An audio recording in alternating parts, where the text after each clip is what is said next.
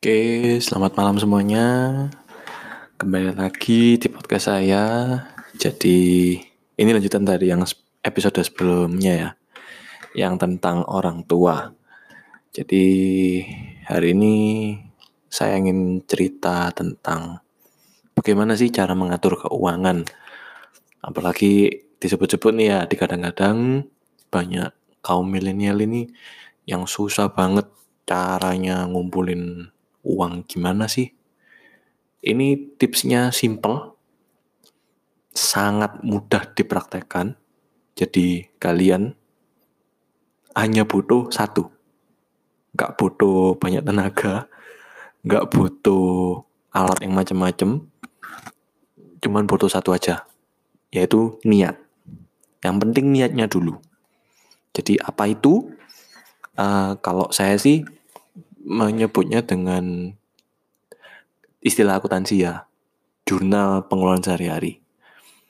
Jadi uh, dari hal simpel itu nanti kita bisa belajar mengatur gimana sih keuangan kita, kondisinya gimana, pengeluarannya berapa banyak, pemasukannya berapa banyak. Jadi nanti kita bisa melihat gitu besar yang mana dari pengeluarannya yang lebih besar atau pemasukannya yang lebih besar. Jadi kita harus sering-sering melihat ini. Nah, niatnya itu digunakan untuk apa? Yaitu untuk kalian mencatat pengeluaran setiap harinya. Misal beli es teh, beli indomie, beli apa? Uh, rokok mungkin. Terus uh, beli apalah, terserah lah. Jadi pengeluarannya harus catat. So, simple sekali sih. Cuman satu aja yang sangat perlu harus wajib yaitu niat. Jadi uh, dimulai dari hal kecil. Uh, kalau dulu saya sebelum sebelum zamannya Android ya, HP Android masih BBM mungkin ya. Saya mulai belajar. Oh sudah ada Android, cuman appsnya belum ada. Jadi sekarang kalian bisa download sih banyak sih aplikasi yang bisa ngatur gitu. Uh, sebentar, saya buka. Hmm. Keuangan.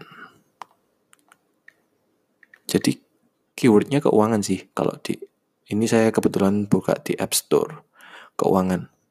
Nah ini ada yang apa namanya uh, expense manager, lalu finansialku, budget expense, expense manager lagi, daily, money log, nah ini juga bisa. Hmm, sangat banyak sih sekarang di apps-apps ini. Kalau di Google Play Store, ya coba nanti kalian cari sendirilah. Yang intinya yang keuangan. Jadi apa sih yang kalian perlu catat? Yaitu satu, pengeluaran kalian sehari-hari. Contohnya nih, uh, makan, minum, ya kan?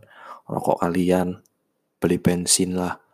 Terus beli apa mungkin? Pentol mungkin cilok mungkin telur gulung dan lain dan lain sebagainya. Ah kalau saya pribadi saya akan mengelompokkan pengeluaran itu masing-masing.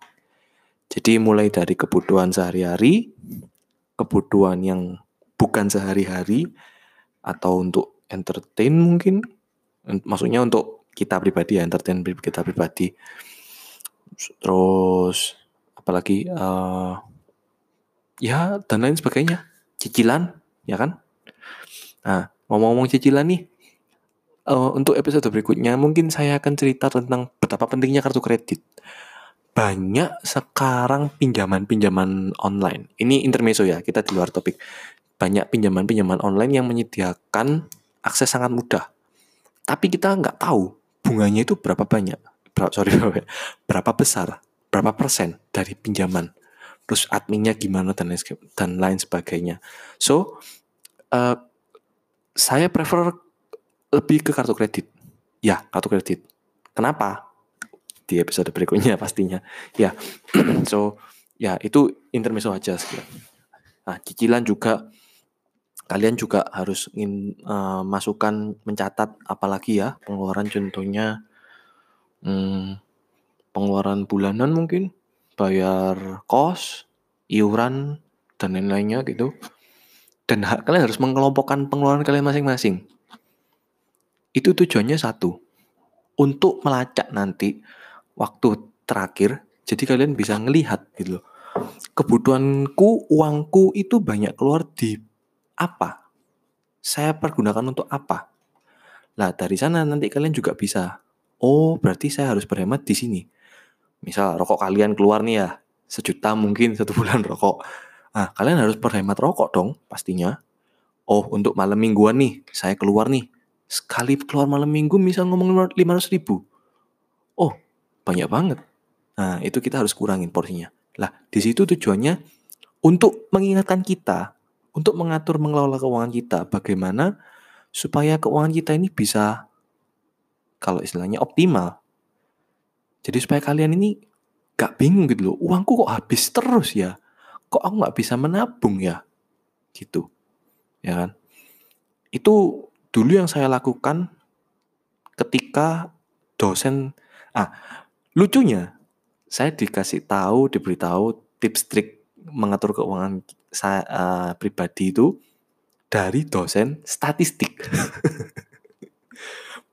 Bukan dari dosen yang uh, istilahnya apa ya? Harusnya kan itu ilmu keuangan ya. Bukan dari dosen keuangan, tapi dosen statistik. Dia sempat cerita, saya sampai sekarang ingat namanya Pak Ferry, ya kan? Dia sempat cerita Hmm, saya itu suka main saham.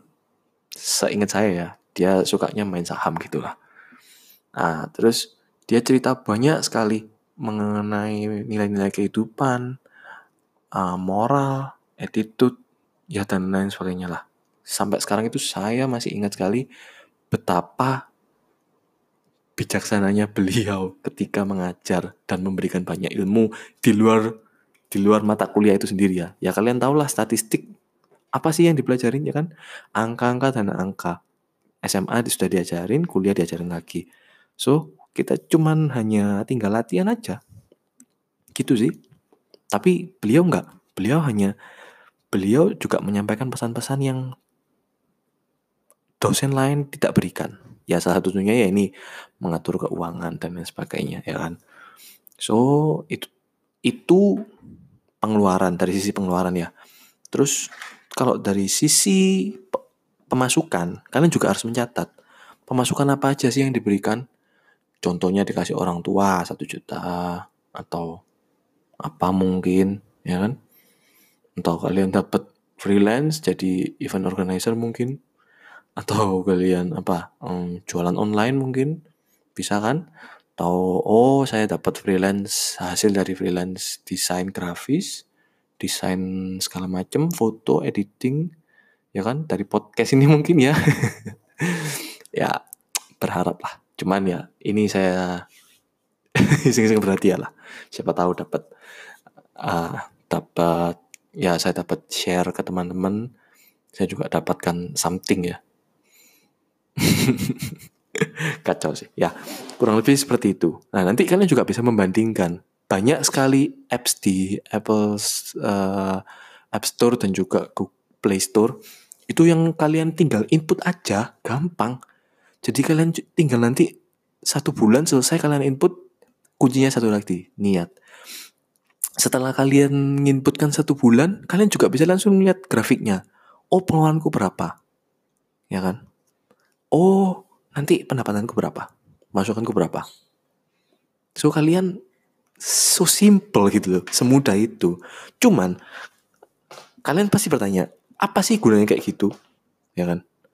Nah saya juga sempat bertanya sama dosen itu sama Pak Ferry sama Pak Ferry itu. Saya sempat bertanya loh Pak kalau begitu caranya buat apa fungsinya? Kita kan hanya mencatat mencatat mencatat dan mencatat. Nah dia beliau bilang kalau hmm, memang secara nggak sadar kita hanya mencatat. Tapi yang diperlukan itu analisa. dan secara nggak sadar lagi di bawah alam sadarnya kita sendiri kita itu dapat seperti reminder terus pengingat terus supaya kita ini ayo kamu sebelum mengeluarkan uang sebelum kamu mengeluarkan uangmu untuk sesuatu hal secara nggak sadar ya ini ya. Kalian pasti mengingat pengeluaranku sudah berapa ya? Pemasukanku naik apa turun ya? Itu yang penting ya kan? Lebih tepatnya ke psikologisnya sih. Jadi secara sadar gak sadar ya kan? Psikologismu pasti lebih aware dalam apa ya dalam melakukan mau mengeluarkan uang ini jadi kalian lebih aware lebih sadar lagi lebih peka lagi. Penting nggak ya? Bisa nggak kalau aku keluar uang segini aku bisa nabung nggak ya? Gitu. Memang sih dampaknya nggak langsung. Cuman percayalah saya mengalami itu sendiri dan sampai sekarang pun meskipun saya ada uang lebih saya pasti mikir mau beli ini itu pasti mikir cukup gak ya? Bisa nggak ya hmm, mepet gak ya pasti mikir gitu jadi lebih bijaksana dalam melakukan suatu tindakan dalam membeli terutama ya. Nah, banyak nih teman-teman yang saya lihat itu ah ya prinsipnya sih YOLO ya kan. Ya saya paham sih YOLO YOLO tapi kalau kamu kiri terus YOLO apa yang kamu YOLOkan ya kan? Bener. Cuman ingatlah ke depan itu kebutuhanmu masih banyak ya kan. Simpan uangmu, gunakan uangmu dengan bijaksana. Karena apa ya cari duit itu nggak gampang coy. Susah. So ya itu dari saya. Yang penting kuncinya satu lagi tadi niat. Kamu nggak niat kamu nggak bakal berhasil saya sudah ngelakuin itu selama dulu kurang lebih tiga tahun.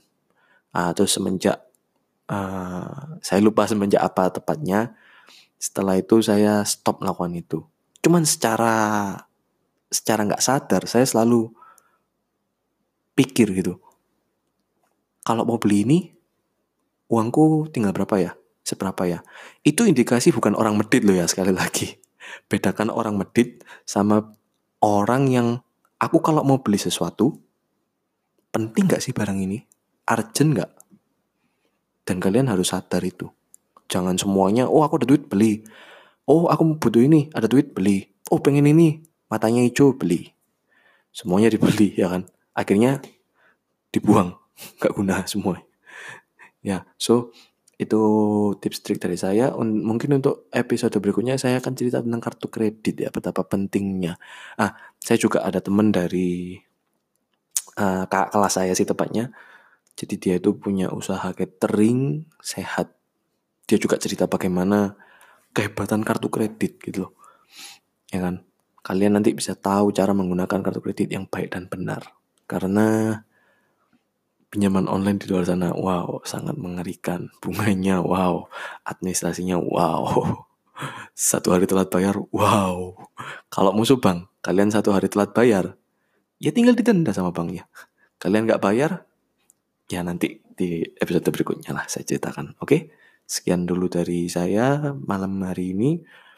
Ya, semoga podcast ini bisa berguna bagi kalian semua yang mendengarkan. So, saya pemula, yuk bantu saya dengarkan podcast ini. Terima kasih.